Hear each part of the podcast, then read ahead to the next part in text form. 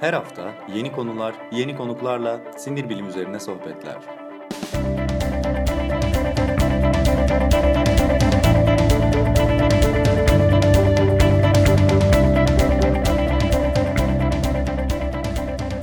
Neuroblog Podcast başlıyor.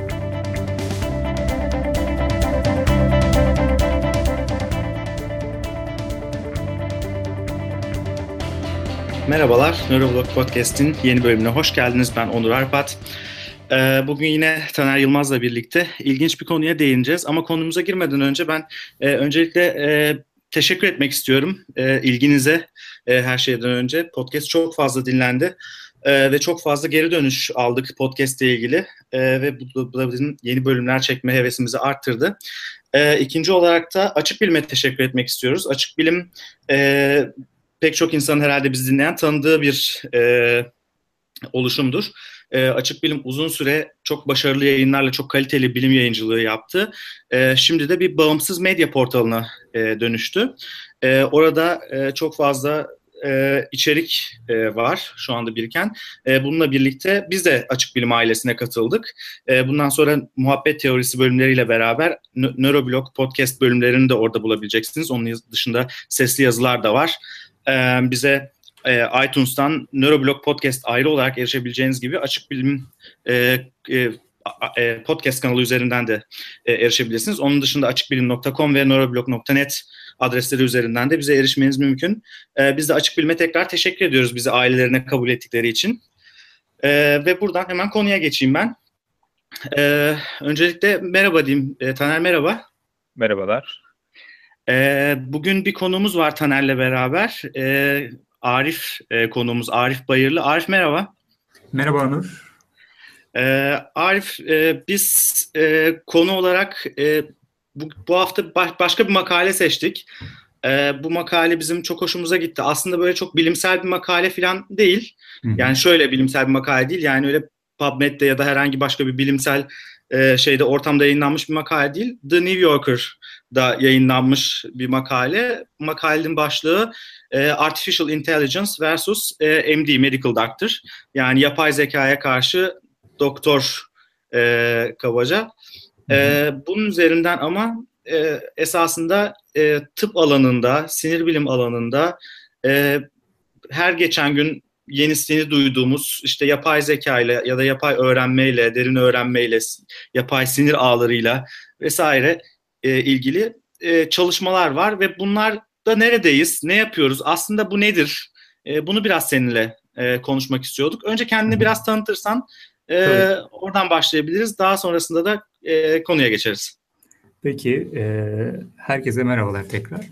Ee, ben Arif Bayırlı, e, Boğaziçi Üniversitesi Fizik Bölümünde araştırma görevlisiyim. Ee, aynı zamanda İsviçre'de CERN'de e, Atlas ve CAST e, adlı iki deneye katkıda bulunuyorum. Ee, bu iki deney parçacık fiziği deneyleri. Ben de deneysel parçacık fiziği çalışıyorum. Ve bahsettiğim konuyla en azından ilişkimi de açıklamak anlamında belki biliyorsunuz CERN e, şu an dünyanın en büyük araştırma merkezlerinden bir tanesi ve şu an bahsettiğimiz konuyla da ilişkili olarak işte büyük veriden, büyük bilimden bahsediyoruz ve e, yıl içerisinde sürekli çok büyük ölçekte bir verinin toplandığı ve bu büyük ölçekli verinin sürekli analiz edildiği bir yer. E, fizik bağlamında elbette. E, fakat bu analizler sırasında bu büyük ölçekli veri analiz konusunda birçok ileri algoritmalardan özellikle yapay zeka algoritmalarından da artık yavaş yavaş faydalanılmaya başlandı bu veri analizlerini yaparken. E, kendi çalışmalarım sırasında da bunları bir parça kullanıyorum. E, doktora çalışmam sırasında da büyük ölçekli bir şekilde kullanmaya çalışacağım bunları. E, konuyla ilişkin bu şekilde. E, yani Neuroblog e, sesli yayını başından beri takip ediyorum e, ve ayrıca e, yayına bizzat katılımcı olarak katılmak da benim için büyük bir keyif olacak diyelim. Biz teşekkür ederiz onun için. Yani e, bizim anladığımız CERN'de e, İsviçre'de siz e, parçacık çarpışmaktır, çarpıştırmaktan ve dünyayı yok etme planları yapmaktan başka şeyler de yapıyorsunuz ve bunun evet. gayet tıp, tıbbi sonuçları, sonuçları da var. Bu çok ilginç bir şey her şeyden önce. Belki bunu ilk defa duyanlar için ben dahil. Evet aslında ee, burada belki şeyi de eklemek gerekiyor. Çünkü e, CERN'de bu şekilde bir parçacık fiziği deneyi yapılıyor belki ama burada geliştirilen teknolojiler e, bir şekilde e, hayatın içerisinde entegre oluyor. Yani şu an kullandığımız tıptaki görüntüleme metotlarından, görüntüleme cihazlarına kadar birçok şeyin altında yatan e, teknolojiler genelde e, buradaki laboratuvarlarda gerçekleştirilmiş. Sonrasında uygulamalar bulmuş şeyler. Sadece e, bu şekilde somut teknoloji olarak e, e, değil ama bir taraftan yazılım olarak da aynı zamanda birçok konuyu da öncülük ediyor. E, bu arada şey dünyayı yok etmek gibi planlar öyle bir planlarımız yok. Özellikle onu da belirtmek gerekiyor. Çünkü medyada çok böyle e, konuşulan bilinen bir şey. İşte büyük patlamayı tekrar yapıyorsunuz orada işte ne olacak gibi. E, şu an her şey kontrol altında onu belki de eklemek gerekiyor. Ben de bir kara delik sorusu sormamak için kendimi zor tutuyorum zaten. Neyse sonra ilerleyen dakikalarda. Peki. Peki Ama ben yani bunu birinci, birinci ağızdan duymak hoşuma gitti yani tamam dünya güvende yani. İşte evet, Donald evet. Trump dışında herhangi bir şeyden korkmanıza gerek yok yani. evet. savaşında. Tamam o zaman şöyle gireyim. Ee, ben ilk başta e, şeyden bahsedeyim. 2013 yılında Oxford Üniversitesi tarafından yapılan bir çalışma ve onunla dair bir rapor vardı. Ee, orada bahsedilen şuydu. Onun üzerinden esasında çok e, e, spekülasyon yapıldı. Orada deniyordu ki önümüzdeki 20 yıl içerisinde e, şu anki mevcut işlerin, iş alanlarının yüzde ellisi e, robotlar ya da yapay zeka ya da çeşitli yazılımlar tarafından yapılacak e, ve her mesleğin riski birbirinden farklı. E, yani ama birçok insan işsiz kalacak gibi böyle bir, bir korku senaryosu e, vardı. Hatta işte şundan bahsediliyordu. Her mesleğin riski farklı olduğu için belki bunu daha sonra podcast'in e, altında e, şey olarak da verebiliriz. E, internet sitesinde verebiliriz. İşte örneğin mesela paketleme doldurma makinesi operatörüyseniz siz muhtemelen önümüzdeki 20 20 yıl içerisinde işte şeyinizin e, işinizin bir yazılım ya da bir robot ya da vesaire tarafından yapılması yani bir insan tarafından artık yapılmaması size ihtiyaç duymama ihtimalimiz %98'lere kadar çıkarken işte bir doktor diş hekimiyseniz bu %0,4 yani binde dörde kadar e, iniyordu e, bu şeye göre çalışmaya göre. E, bunun üzerinden tabii 2013'ten sonra da çok fazla özellikle tıp alanında, sinir bilim alanında ve başka alanlarda sürekli her gün bir yapay zeka, robotik vesaire işte şeylerimiz e, her türlü çalışmalar yayınlanmaya başladı. E, yani ben öncelikle şunu sormak istiyorum. E, nasıl bizim emeklilik gelir mi? Yani emekliliğe kadar şey yapar mıyız? Kurtarır mıyız yani işimizi robotlardan, yapay zekadan e, emekli eder mi yani bizi bu önümüzdeki süreçteki bu yazılım şeyi? E, yapay zeka devrimi? Ben başlayayım isterseniz. Başla tabii ki. tamam peki. Ee, ya 2013 yılında böyle bir rapor yayınlanmış olması aslında o dönemde ve hatta günümüzde de sürekli zaten gün içerisinde e, medyayı takip ettiğimizde bu tip haberlerin sürekli karşımıza çıktığını görüyoruz. Ee, aslında teknoloji sürekli hayatımızın içerisinde çok çok daha geçmişten e, itibaren e, ve birçok işi otomatize, otomatize etmeye başlamış durumda. E, yani rutin olarak yapılan şeyleri artık çok daha hızlı ve efektif bir şekilde yapabiliyoruz işte bilgisayarlar sayesinde. Fakat e, şu an e, konumuz çerçevesinde bu, bu konular tartışılırken işte yapay zeka gibi, robotik gibi alanların e, dahil olması özellikle günümüzde e, farklı bir bakış açısının da işin içerisine girmesiyle de alakalı aslında. E, bu bakış açısı e, yapay öğrenme ya da işte e, makine öğrenmesi diye de geçiyor bazı yerlerde. İngilizcesi machine learning. Bunun e, bilgisayar sistemlerine entegre olması ve bu bilgisayar sistemlerinin artık e, öğrenebilen sistemler olması dolayısıyla artık bu epey bir dillendirilmeye başlandı. E, şöyle giriş yapmak lazım aslında. Bu yapay öğrenme e, standart anlamda bildiğimiz e, hesaplamadan biraz daha farklı. Bizim bilgisayarlar e, bilgisayar sistemlerimiz kural tabanlı çalışan sistemlerdi e, geçmişe e, çok yakın geçmişe kadar. E, kural tabanlı ne demek? İşte elinizde bir bilgisayar programı var. Buna bir iş yaptıracaksınız ve bu işi yaptırmak için o işe dair bir takım tanımlamalar yaptırmanız gerekiyordu. Eğer böyleyse işte şu hareketi yap. Eğer şöyleyse şu hareketi yap gibi. Bu şekilde bir kurallarınız vardı ve bu kuralları tek tek işte arayarak ya da işte bunların içerisinden bir bazılarını seçerek duruma göre e, bilgisayar bu şekilde çalışıyordu. Fakat e, yeni yaklaşımla bu yapay öğrenme sayesinde artık e, siz elinizdeki sistemi bu şekilde kurallar tanımlamıyorsunuz. Sisteme veriler veriyorsunuz ve çok fazla veri vermeniz gerekiyor. Ve bu veriler üzerine e, bilgisayar yani sisteminiz e, üzerine çalışıp bu verilerin bu verilerin içerisinde bir takım örüntüler buluyor. Ve bu örüntüler sayesinde tırnak içerisinde öğreniyor. Ve bu öğrenme süreci adaptif bir süreç. E, siz ne kadar çok veri verirseniz o kadar daha iyi öğrenmiş oluyor ve sisteminiz size yeni bir şeyle karşılaştığında, yeni bir problemle, yeni bir durumla karşılaştığında ona göre bir tepki veriyor ve yeni bir çözüm, çözüm üretiyor. Evet. Yani buradaki fark e, kural tabanlı bir şeyden ziyade sadece elinizde bir veri var. Bu veriyi e, sisteminize vererek sisteminizin öğrenmesini sağlıyorsunuz ve bu çok büyük ölçekli bir şey ve hızlı ve efektif bir şekilde yapılıyor. Dolayısıyla e, durumdan yani bu bahsettiğim yöntemler tıptan ya da işte fizikten ya da diğer şeylerden herhangi bir alandan bağımsız yöntemler. Dolayısıyla artık belli alanlar için değil çok daha büyük geniş çaplı alanlar için e, işlerin otomatize edilme e, durumu söz konusu oldu. Çok daha hızlı ve efektif bir şekilde yapılabilme durumu söz konusu oldu. E, ve bu işte bu gibi kaygıları da yan tarafında getiriyor. E, 2013'te doktorlar için e, dile getirdiğiniz o belki işte çok küçük bir e, e, riskten bahsediliyordu ama artık günümüzde e, yüksek seviyeli işler için dahi bu riskin epey e, epey bir arttığı e, söyleniyor. Yani e, epey bilgi gerektiren işler için dahi sadece böyle rutin işler için değil.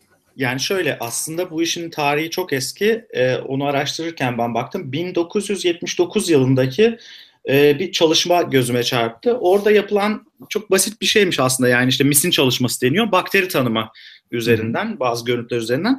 E, daha sonrasında geliştirilen yine aslında yapay öğrenme değil yine e, kural temelli öğrenmede şöyle bir çalışma yapmışlar. Hani bu eski yöntem yani aslında o kadar da gelişmiş olmayan yöntemle bile çok başarılı sonuç almışlar. Sö- söyledikleri şey şu işte yapılan çalışma şu yani işte bir e, dermatologlar yani işte cilt e, üzerine uzmanlaşan doktorlar e, doktorları e, bilgisayar programıyla karşılaştırmışlar. İşte bunlara çeşitli şeyler veriyorlar. E, çeşitli e, benler veriyorlar. Yani işte ben, nevüs artık nasıl şey yapılırsa.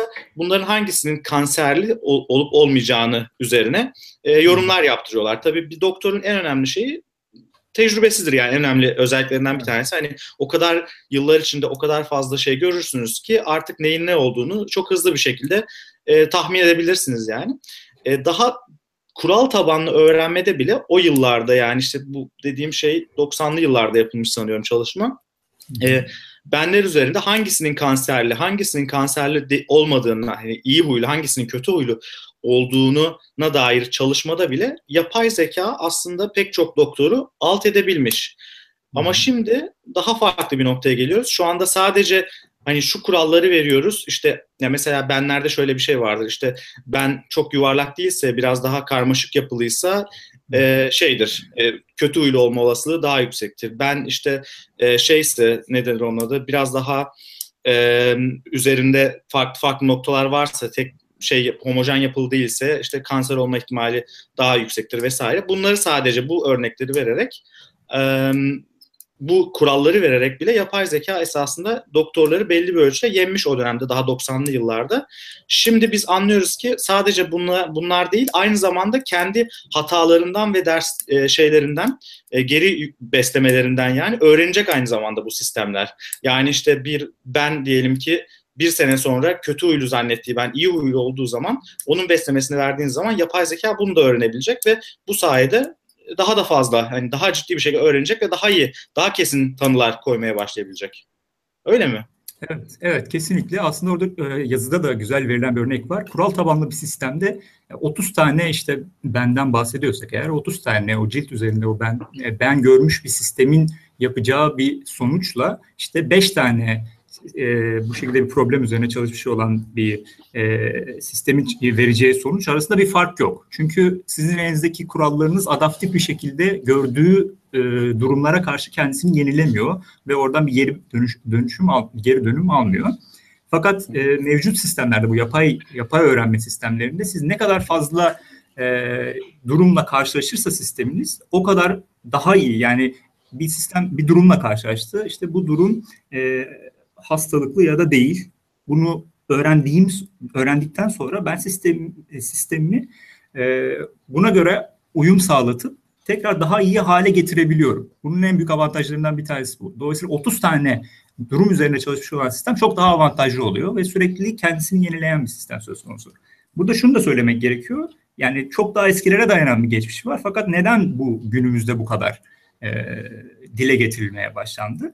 E, çünkü karar verirken mesela bu bahsettiğimiz örnekte olduğu gibi işte bir e, beni, e, bir beni karakterize ederken mesela e, çok karmaşık bir takım özelliklerden e, yararlanmamız gerekiyor. Birçok farklı özelliğine bakmamız gerekiyor. Onun şekline bakmamız gerekiyor. Onun etrafındaki farklı şeylerle etkileşimine bakmamız gerekiyor. Dolayısıyla çok e, fazla veri toplamamız gerekiyor ve aynı zamanda bu veriyi işlememiz gerekiyor. Artık günümüzde bunlar çok problem değil çünkü bilgisayarlar konusunda epey bir ilerleme kat ettik son zamanlarda özellikle. Birinci handikap e, veriyi toplama gücümüz arttı. E, çok fazla veri toplayabiliyoruz artık birçok sensörle, birçok e, görüntüleme tekniğiyle. Ve aynı zamanda bunları depolamak da e, gittikçe ucuzlaşmaya başladı. Yani sonuçta elimizde artık çok e, büyük boyutlarda veri olsa da bunları artık e, ucuz bir şekilde depolayabiliyoruz ve çok hızlı bir şekilde aktarabiliyoruz internet üzerinden ya da hızlı bağlantı üzerinden. İkincisi ise bu verileri işleme gücümüz çok arttı. E, işleme gücü diye kastettiğim e, elimizde eskiden sadece bilgisayarımız vardı ve bilgisayarın üzerinde işte merkezi işlemci birimi dediğimiz CPU dediğimiz bir şey üzerinde işlem yapıyorduk. Fakat artık e, paralel hesaplama yapabileceğimiz daha farklı mimaride e, bilgisayarlar artık gündeme gelmeye başladı.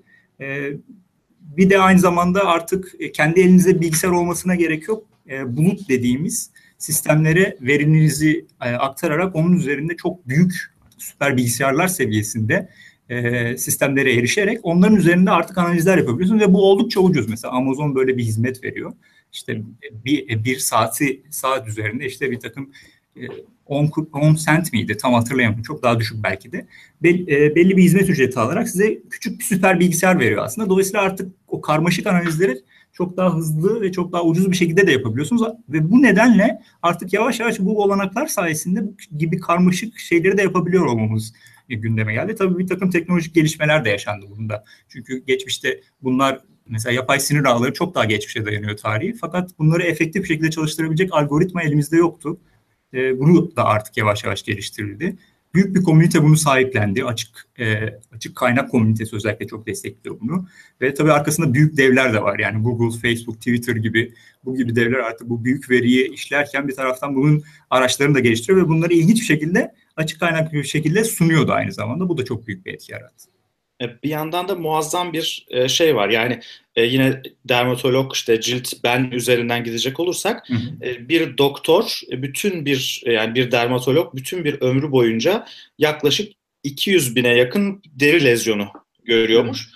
Ama bu makinenin de öyle bir sınırı yok yani hani 200 bin falan değil belki 200 bin e, lezyonu deri lezyonunu işte bu iyi kötü iyi huylu mudur kötü huylu mudur şu mudur bu mudur vesaire teşhisi nedir işte konusunda belki birkaç saat içerisinde ya da diyelim ki yani birkaç ay içerisinde 200 bin lezyondan daha fazla lezyonu e, öğrenebilecek, tanımlayabilecek ve algılayabilecek e, doğru teşhisi yapabilecek seviyeye e, gelebilecek durumda bu e, bilgisayarlar.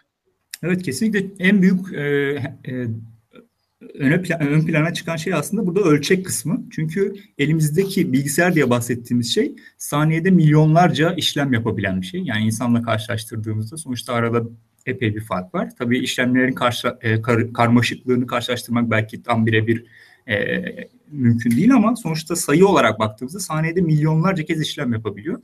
Ve dolayısıyla bir insanın ömrü boyunca yapabileceği e, eğer rutin bir işse bu e, yapabileceği işlemi çok daha kısa bir sürede yani orada verilen örnekte bütün ömür boyunca verilen yapılan teşhisi yaklaşık birkaç ay içerisinde bu sistem yapabiliyor ve daha da fazlasını yapabilmek için hala bir kapasitesi var ve daha fazla yaptıkça da kendisini daha iyi düzeltebiliyor ve daha iyi sonuçlar elde ediyor. Ben evet. buradan şey anlıyorum konuştuklarınızdan yani soru sorarak aslında e, e, devam etmek istedim. Şey Hawking haklı gibi mi o zaman? Yani bu bu ilerleme şeyle e, logaritmik bir şekilde bu ilerleyen hani hem öğrenme hem de altyapı işte kaynaklar, fiziksel kaynaklar işte hafızadan işlemci gücüne kadar süper bilgisayarlara kadar bunlar böyle logaritmik artmaya devam ederse o zaman robotlar sahiden dünyanın sonunu getirecek e, işte artificial intelligence yapay zekanın kendisidir diyor ya Hawking. E, acaba öyle mi? Böyle bir endişe taşımalı mıyız evet. o zaman? Ya ben soruya çok kısa bir ek şey yapayım. Yani bu sadece dermatoloji bir örnek sadece bizim verdiğimiz işte mesela o yapay zeka ile ilgilenen başka bir doktora o zaman orada e, başka bir bilim insanıyla konuşmuşlardı orada. O diyordu ki radyolog yetiştirmeyin artık. Bizim bunlar son radyologlar. Çünkü o öyle bir noktaya geldi ki yapay zeka artık bundan 10 sene sonra e, sizin işte filmlerinizi, MR'larınızı, tomografilerinizi falan radyoloğun okumasına gerek kalmayacak. Çünkü zaten yapay zeka bunların hepsini sizin için 10 sene içerisinde yapacak. Artık kapatın bu programları. Artık radyo, radyoloji uzmanı, doktor yetiştirmeyin gibi bir şey. Hakikaten gereksiz mi kalacağız biz. Hakikaten e, bizim emeklilik e, yan mı yattı? Yani hakikaten yapay zeka e, bizim yerimizi alacak mı? Yani çok böyle alarm zillerini çaldığı bir durum e, aslında e, ortada yok gibi. Çünkü e, sonuçta bu sistemlerin yapabildiği şeyler var fakat kısıtlamaları da var aynı zamanda. Yani e, şu an insanın e, yapabildiği işte e, daha detaylı bir şekilde analiz edebildiği, karar verebildiği ve nedenini kavradığı durumlarda e, bu sistemler ne yazık ki insan performansıyla e, birebir örtüşmüyor. Yani belli şeylerde insan performansını geçiyor belki ama e, bu noktada yapay zekanın ne olduğunu e, iyi tanımlamak gerekiyor ve tanımlaması gerçekten çok güç bir şey. Bilgisayarcılar bunlar üzerine çok epey bir kafa yoruyorlar. E, şu an elimizde olan şey aslında tam olarak yapay zeka değil. Yani genel öğrenici bir sistemimiz yok elimizde. E, belli durumlar için e, iyi bir sonuç veren bir öğrenme yöntemimiz var elimizde. Yapay sinir ağları gibi örneğin. Fakat bunun kısıtlamaları var. E, bu kısıtlamalar yani bu işte Hawking örneğinde verdiğin gibi senin Taner. E, yani elimizdeki teknoloji aslında sınırsız değil. Sonuçta bilgisayarlardan bahsediyoruz ve bilgisayarlar konusunda ilerlemeler işte Moore yasası adı verilen bir yasa sayesinde işte yani, yasa e, ile ifade edilen şekliyle işte bilgisayarlarda e, işte bilgisayar işlem gücü sürekli artıyor her geçen yıl. Fakat belli bir sınıra dayanmak durumunda hatta şu an o sınıra gelmiş durumdayız. E, işte çünkü bir mikroçipin içerisine sığdırabileceğiniz işte hesaplayıcı işte transistör dediğimiz şeylerin belli bir sınırlaması var. E, artık kuantum limiti diye bahsettiğimiz problemler çıkmaya başladı. E, bu, bu konuda bir sınırlama var. Aynı zamanda bu e, elimizdeki bu e, hesaplayıcı sistemlerin e, yazılım anlamında da bir takım sınırlamaları var. Çünkü mesela bahsettiğim gibi çok fazla veriye ihtiyaç duyuyor. Yani bir insan e, bir şeyi tanımlarken örneğin somut örnekler üzerinden gidelim. Bir cismi tanımlamak istiyorum ben. İşte küçük bir çocuk dahi e, bir cismi tanımlamak için bir kediyi, bir köpeği tanımlayabilmek için birkaç örnek görmesi yetiyor. Fakat benim elimdeki bir bilgisayara bunu tanıtabilmem için 100 bin tane e, farklı farklı şey göstermem gerekiyor. Farklı kedi ve köpek ve göster, resmi göstermem gerekiyor. Farklı açılardan, farklı e, renklerde, farklı e, boyutlarda diyelim. E, ve yani çok hızlı bir şekilde işlem yaptığı bu bir avantaj belki ama bir taraftan da bu gibi dezavantajları da var. Yani dezavantaj demeyelim bu gibi problemleri de var. Fakat bunlar üzerine de çalışılıyor. Yani birkaç örnek üzerinden öğrenebilecek sistem yapabilir miyiz acaba? Buna işte tek atımda öğrenme ya da one shot learning deniyor. Ama şu an için yapabildiği şeyler var. Fakat insanların e, en azından bu sistemlerden daha iyi yaptığı birçok fazla şey var aynı zamanda. O yüzden daha şu an böyle bütün işle, e, işleri elimizden alacak gibi bakmak yerine birçok şeyi dönüştüreceği kesin. Yani bu hep verilen örneklerde işte tarım devriminin e, birçok şeyi değiştirdiği gibi, endüstri devriminin birçok şeyi değiştirdiği gibi. E, bu da bir e, bir devrim gibi düşünülürse eğer birçok şeyi değiştirecek, iş yapma biçimlerini değiştirecek, insanın rolünü değiştirecek e, fakat elimizde böyle bir şey var. Bununla yüzleşmek gerekiyor. Bunu nasıl entegre edeceğiz? Buna karşı biz nasıl bir duruş alacağız? Önemli olan aslında bir taraftan bu. Bence. Evet yani Hı-hı. buyur Buyur Onur. buyur Onur. Evet sen devam et. Ben başka bir sorum var çünkü. Ee, yani şey gibi Hawking'in gibi biraz daha hani dünyanın sonu senaryolarından da tabii. Ee, o, ama onun dışında da sanki şey e, konuşulanlardan anladığım ikinci şey de şu. insan belki soyutlama kısmında biraz daha hızlı hala. Hı hı. Belki o soyutlama ve hani örnekleri çabukça özelliklerini listeleyip yere atma kısmında hızlandıkça aramızda bir e, yani bu yarışmanın yeni boyutları doğacak. Bir yandan da şey diye de düşünüyorum. E, yani kendimi bir işte elektronik radyoloğa ya da bir radyoloji yazılımına emanet eder miydim? Ya da işte bir dermatolog işte dermatoloji yazılımına bir bilgisayar işte beni muayene etsin ister miydim falan gibi şeyler düşünürken hı hı. bir yandan da şey e, şu da bir soru benim için. E, acaba hani o, o işlem yapma biçimleri ile bizim düşünme dediğimiz şey birbirine benziyor mu ya da benzemiyor mu? Bu, yani aslında biz de temelde indirgersek hani biyoloji kimyaya, kimya fiziğe indirgenebilir gibi bir e, durum vardır ya hep. E, yani biz indirgersek aslında çeşitli cümleler, çeşitli önermelerle işte çok e, çeşitli özellikleri listeleyerek aslında biraz benzer biçimde de düşünüyor olabiliriz ya da benzemiyor olabilir. Bu da merak ettiğim şeylerden birisi. Acaba bilgisayarın işlem yapmasıyla bizim zihnimizin işlem yapma biçimleri birbirine benziyor mu yoksa çok ayrı şeyler mi aslında? Ee, aslında birbirine e, benzemesi üzerinden kurgulanan bir şey söz konusu. Burada en temel yöntemlerden bir tanesi mesela yapay sinir ağları olarak bahsettik. Yapay sinir ağları e, aslında beyinde işte nöronların yapılarından e, yola çıkarak aslında tasarlanmış bir takım hesaplama birimleri diyebiliriz. E, en temelde de bu yapay öğrenmenin en temelinde örüntü tanıma ön plana çıktığını görüyoruz. Dolayısıyla insanın öğrenme biçiminde de özellikle e, örüntü tanımanın büyük bir e, yer kapladığını biliyoruz aslında. Sadece bu değil elbette. Çok daha farklı öğrenme e, yöntemleri de var elbette de. E, ve bu sistemlerin öğren, öğrenmelerini en büyük e, öğrenmelerini sağlayan şey örüntüyü çok efektif bir şekilde tanımlayabiliyor olmaları. E, burada tam olarak bu benzetme üzerinden gidersek mesela mekanizmayı biraz anlatmak adına. Mesela yapay sinir ağları diyoruz. Yapay sinir ağları aslında e, işte bir girdisi olan ve bu girdiye göre bir çıktı veren çok basit e, birimler. Ve burada o nöronlara benzetmemiz gerektiğinde işte bir nöron e, nöron gibi düşündüğümüzde hı hı. bu nöronun bir girdisi oluyor ve bu girdi belli bir eşik seviyesini aştığında işte nöron aktive oluyor gibi bizim sistemimizde bir aktive olma süreci sonunda bir çıktı veriyor. Ve bu nöronları bu birimleri daha doğrusu birbirlerine bağlayarak daha karmaşık yapılar oluşturuyoruz.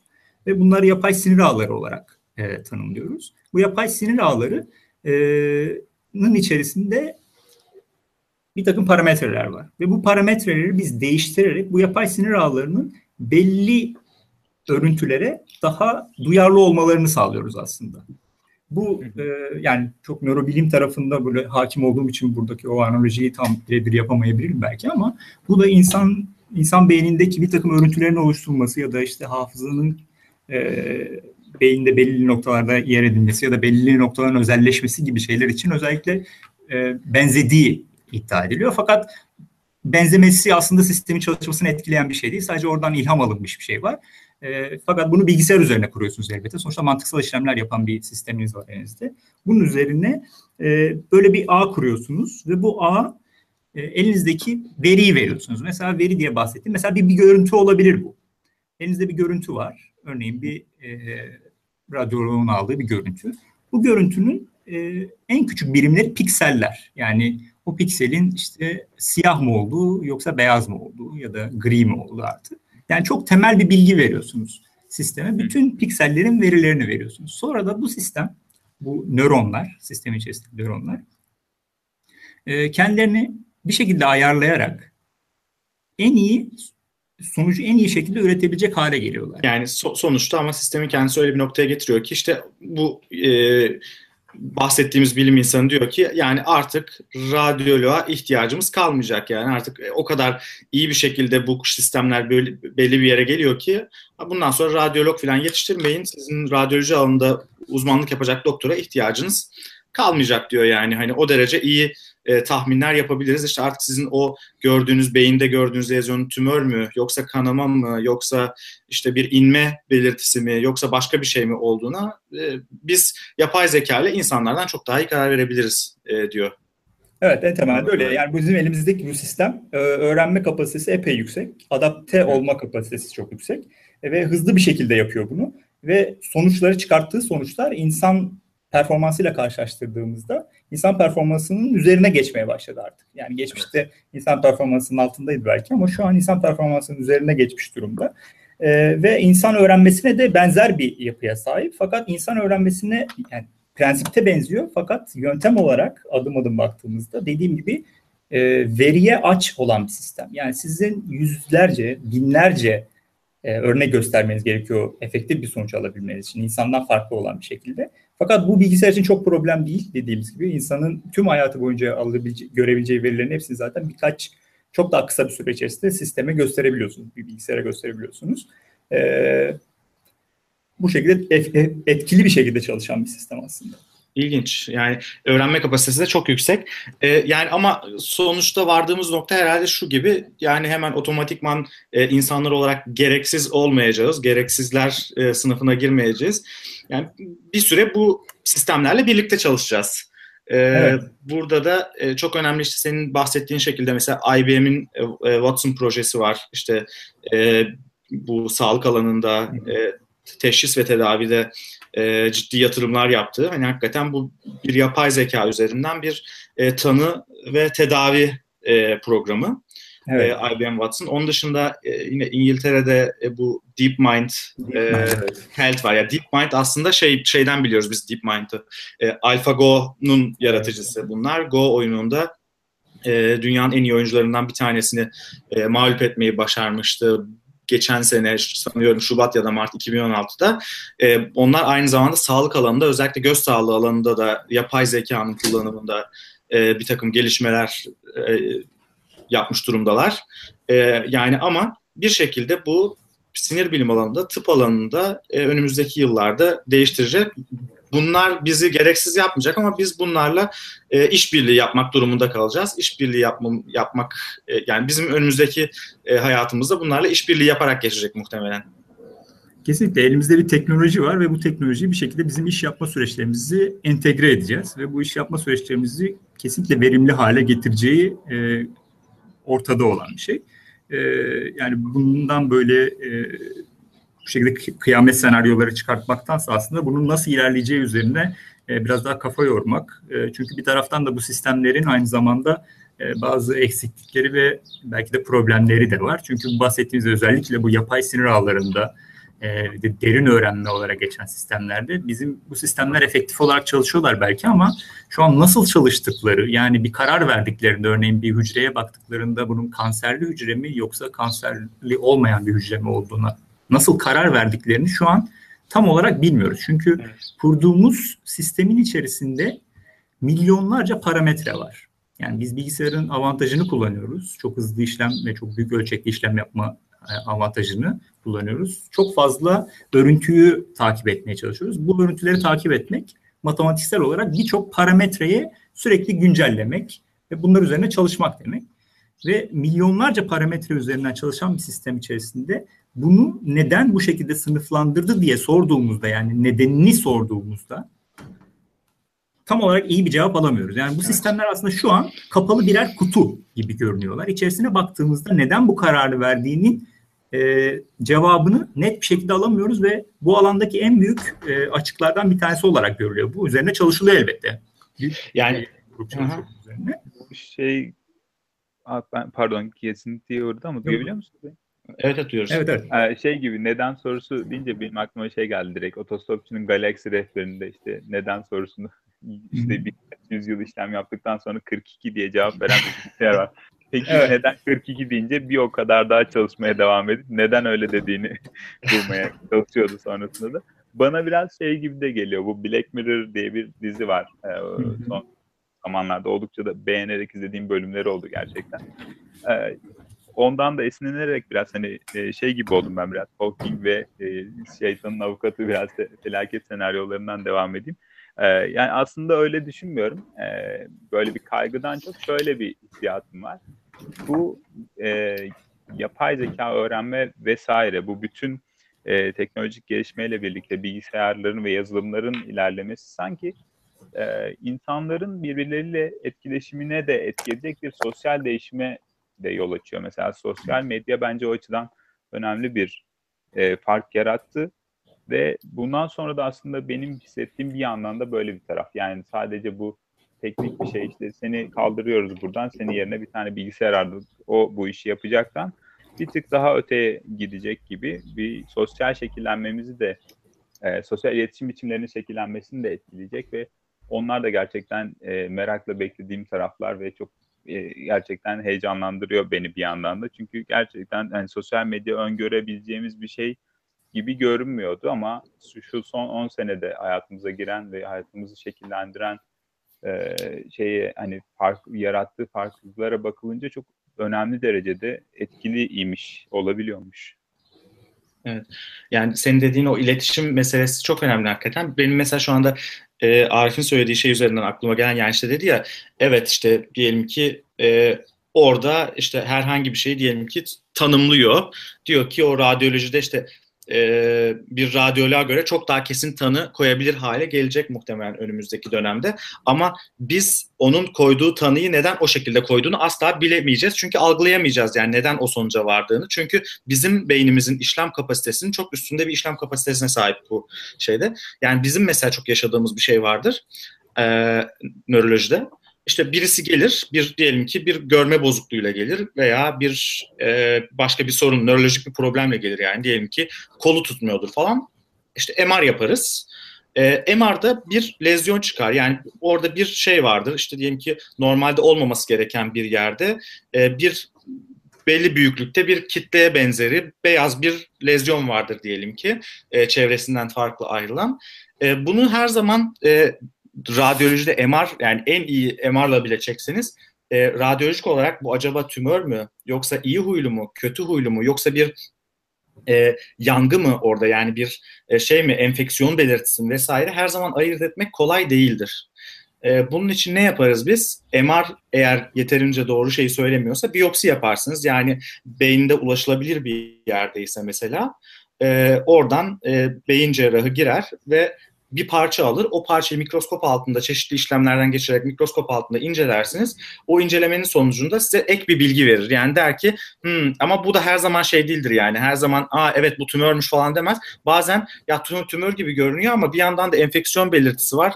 Tam olarak biz de bilemedik falan der. Şimdi radyoloji, radyolog diyor ki valla bilemiyoruz tümör olabilir ama enfeksiyon da olabilir. E, parça alıyorsunuz. Patolog diyor ki ya tümör gibi ama sanki şey de olabilir, enfeksiyon da olabilir. Hastanın durumu bu arada kötüleşiyor. Ekstradan bir muhtemelen şey bilgisi de gelecek bize bundan sonra. Yani e, yapay zeka ne diyor? Evet. Yapay zekada evet. şunu diyebilir ki işte yok kardeşim ya siz tümör diyorsunuz ama bence daha ziyade enfeksiyon gibi görünüyor ya da işte başka bir şey gibi görünüyor. E, genetik bir hastalık gibi görünüyor diyebilir ve hepsinin tedavisi farklı ve bu noktada hangisine güveneceğiz?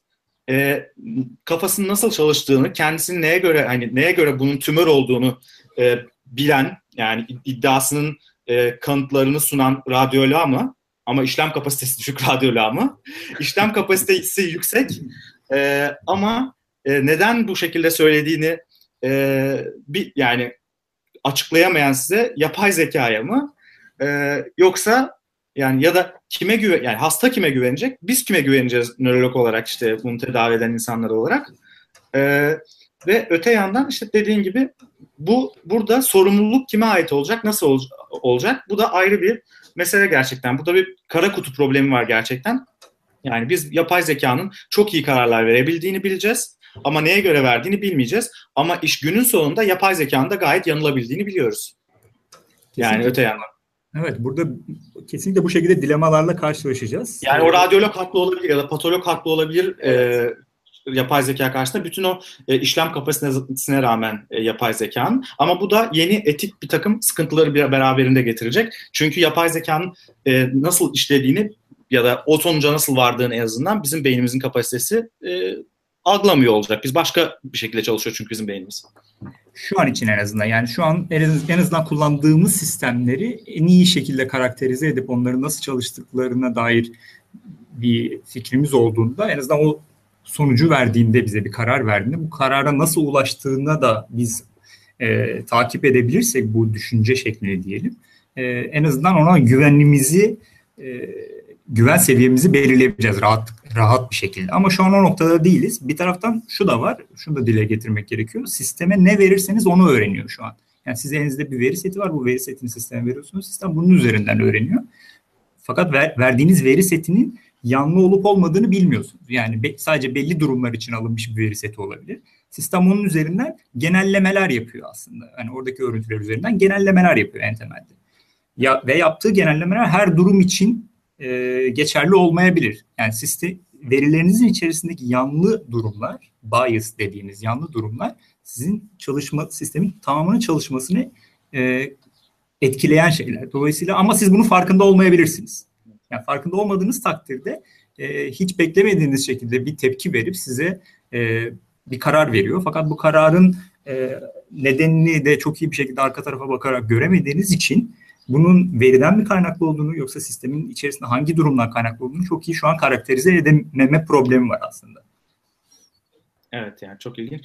Ee, bir de son olarak belki şey de ilginç yani işte bu yani gereksiz mi olacak ama eninde sonunda herhalde öyle bir gün gelecek ki e, bilmiyorum artık 20 sene sonra mı 50 sene sonra mı 100 sene sonra mı hakikaten bu sistemler öyle bir noktaya gelecekler ki bizden daha iyi karar verecekler. Yani hani o e, bias vesaire falan sorunu bir şekilde çözülecektir herhalde kendi kendini besleyen de sistemler olduğu için. E, o noktada işte e, bu şeyde Homo Deus da yazarı e, da söylemişti gereksizler sınıfı oluşacak vesaire hani gibisinden yani herhangi bir işe yaramayan. O noktada da geçen hafta ilginç bir haber geldi. E, bu şeyin meşhur SpaceX'in e, şeyin Tesla'nın kurucusu Elon Musk böyle mi okunuyor bilmiyorum ben. Elon Musk diye okuyorum ama e, Musk mu artık? E, yeni bir e, teknoloji firması kurduğunu diyor. Daha doğrusu firma kurulmuş Ağustos 2016'da bu basına tanıtıldı. E, Neuralink diye e, bir firma. E, onların amacı da şu işte çiplerle işte bir takım şeylerle elektronik e, yani yapay zeka ile insan zekasını birleştirmek. E, insan zekasını yapay e, dışarıdan verilecek yani sinir, sinirlere bir şekilde bağlanacak e, şeylerle beyinde işlev görecek e, dışarıdan yapay e, maddelerle geliştirmek üzerine bir şirket kurdu adamlar ciddi ciddi. Yani ütopik bilim kurgu gibi görünen bir şeyi e, biz bunu yapabiliriz, yapacağız ya da yapmak istiyoruz diye kurdular ve ilan ettiler. Bu da belki bizim gereksizlikten çıkmamıza dair bir umut ışığı olabilir. Bu konuda birçok girişim var. bekliyoruz. Heyecanla ben de bekliyorum. Özellikle e, şeyde Silikon Vadisi çevresinde bu konu böyle bayağı bir şu an trend e, durumunda ve özellikle Elon Musk gibi işte, teknoloji öncüleri diyebileceğimiz günümüzün. Bunlar bu konuya epey bir kafa yoruyorlar. Hatta Elon Musk'ın başka bir şirketi daha var. E, OpenAI adında destek verdiği bir şirket aslında. Bu e, tamamen kar amacı gütmeyen bir kuruluş ve yapay zekanın uygulamalarının olabildiğince e, açık hale getirilmesi, yaygınlaştırılması ve bunlar üzerine e, kafa yorulması aslında sadece ticari anlamda değil bunların geliştirilmesi ve bunların tanıtılması anlamında da kafa yorulması konusunda epey aktif çalışmaları var. E, yani bu konu etraflıca aslında şu an e, ele alınıyor. Birçok e, firma bunu özellikle zaten ticari anlamda da bir taraftan iş modellerinin içerisine koymaya başlıyor. Ama bir taraftan bilimsel anlamda da bunlardan yararlanılıyor. Yani kendi konumunda da benzer şekilde yani burada elimizde çok büyük bir veri seti var. Bu veri seti üzerine efektif bir şekilde çalışabilmenin yollarını sağlıyor bize bunu. Tıpta da benzer şekilde işlerimizi kolaylaştıracak bir noktaya e, getiriyor. E, ama bunu işte e, ileride tam olarak insanın rolünü üstlenebilecek noktaya gelip gelemeyeceği konusunda şu noktada belki yorum yapma yani iyimser e, iyimser bir şekilde bunu umut edebiliriz belki ama e, alınması gereken çok fazla yol var. E, bu noktada ilerliyoruz tabii ki. E, hatta işte bu konunun öncülerinden bir tanesi Andrew Wengi adında bir e, araştırmacı yapay zekanın e, günümüzün yeni elektriği olduğunu iddia ediyor. Yani elektrik sayesinde birçok şey hayatımızda dönüştü ve bunun sayesinde birçok şey gelişti. Yeni ürünler, yeni e, yeni şeyler. Benzer şekilde yapay zekanın da bu şekilde bir gelişim olanağı yaratacağını söylüyor. Bunu nasıl entegre edeceğiz, nasıl kullanacağız, getireceği e, problemlerle nasıl başa çıkacağız, yaratacağı olanakları sosyal hayatımıza ya da iş e, hayatımıza nasıl entegre edeceğiz? Bunlar aslında hep konuşulması gereken şeyler. O yüzden bu program da bunun için ufak bir katkı oluyorsa ne hali aslında. Evet, çok fazla spekülasyon da yapılabilir hakikaten yani evet. bunun geleceği konusunda yapılıyor da zaten yani yeterince spekülasyon da var sanki. Kesinlikle. Evet. Ben e, şey süremizde beklenen şeylere yaklaştı bir şey olarak moderasyon olarak da kapatmadan önce e, şey ben kendi adıma şeyi e, söylemek istiyorum hani e, son olarak yapay zekanın insanın yerini alması kötü senaryo olmayabilir. Bir de böyle bir şey var. Hani illa her zaman hani biz insan olarak kendimizi korumalıyız ve onlar bizim işimiz olacak gibi belki de öyle olmayacak. O sosyal değişimle kastettiğim oydu. Bilmiyorum. O yüzden bunun üstüne gerçekten çok güzel, eğlenceli spekülasyonlar sürdürülebilir burada. Ee, e, öncelikle konuğumuza e, Arif'e çok teşekkür etmek istiyorum. Katkılarından Teşekkür dolayı. Teşekkürler. E, girişi Onur yaptı. Ben de yani yine izleyicilerimize ve podcast takip edenlere e, bir de bize destek sunan Açık Bilim ailesine çok teşekkür ediyorum.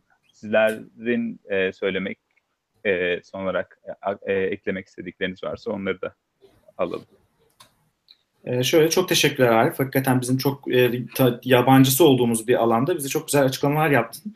E, umarım herkes için de faydalı olmuştur söylediklerin. Teşekkürler tekrar. Ee, Ben de teşekkür ederim. Yani Neuroblo Podcast'e katkı sağlamak benim için büyük bir keyifti. Ee, belki e, söylediğim şeylerle böyle tamamen e, biraz bazı noktalarda karamsar gibi e, algılanmış olabilir söylediğim şeyler ama yani sonuçta bunlar üzerinde aktif olarak da e, çalışan bir komünitenin içerisindeyim ve bunun üzerine çalışan birçok insan var. Bilgisayar bilimciler, tüm temel bilimciler. Bu konuda gelişmeler yaşanıyor. E, bunlara bir şekilde müdahiliz e, ve e, bunların sonucunda ortaya çıkacak olan şeyleri e, hep beraber deneyimleyeceğiz. Şu an için olumsuz bakılacak bir taraf da yok elbette ama olumlu bakmak için de elimizde birçok e, done var. Evet ben yine de yani emeklilik benim olur gibi düşünüyorum yani. yani 30-40 sene Evet, daha umudu kesmeyelim. Yap- Yapay zeka 30-40 sene daha bizim işlere el koymaz gibi geliyor bana yani. Bizim, Ben de bizim biraz iklimimiz var daha. Ben de umutluyum azıcık. Evet. Çok teşekkürler. Görüşmek dileğiyle. Görüşmek üzere. Peki, teşekkürler. Görüşmek üzere.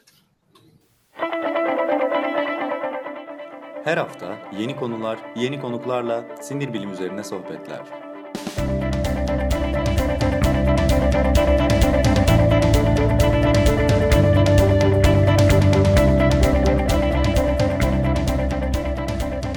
Neuroblog Podcast sona erdi.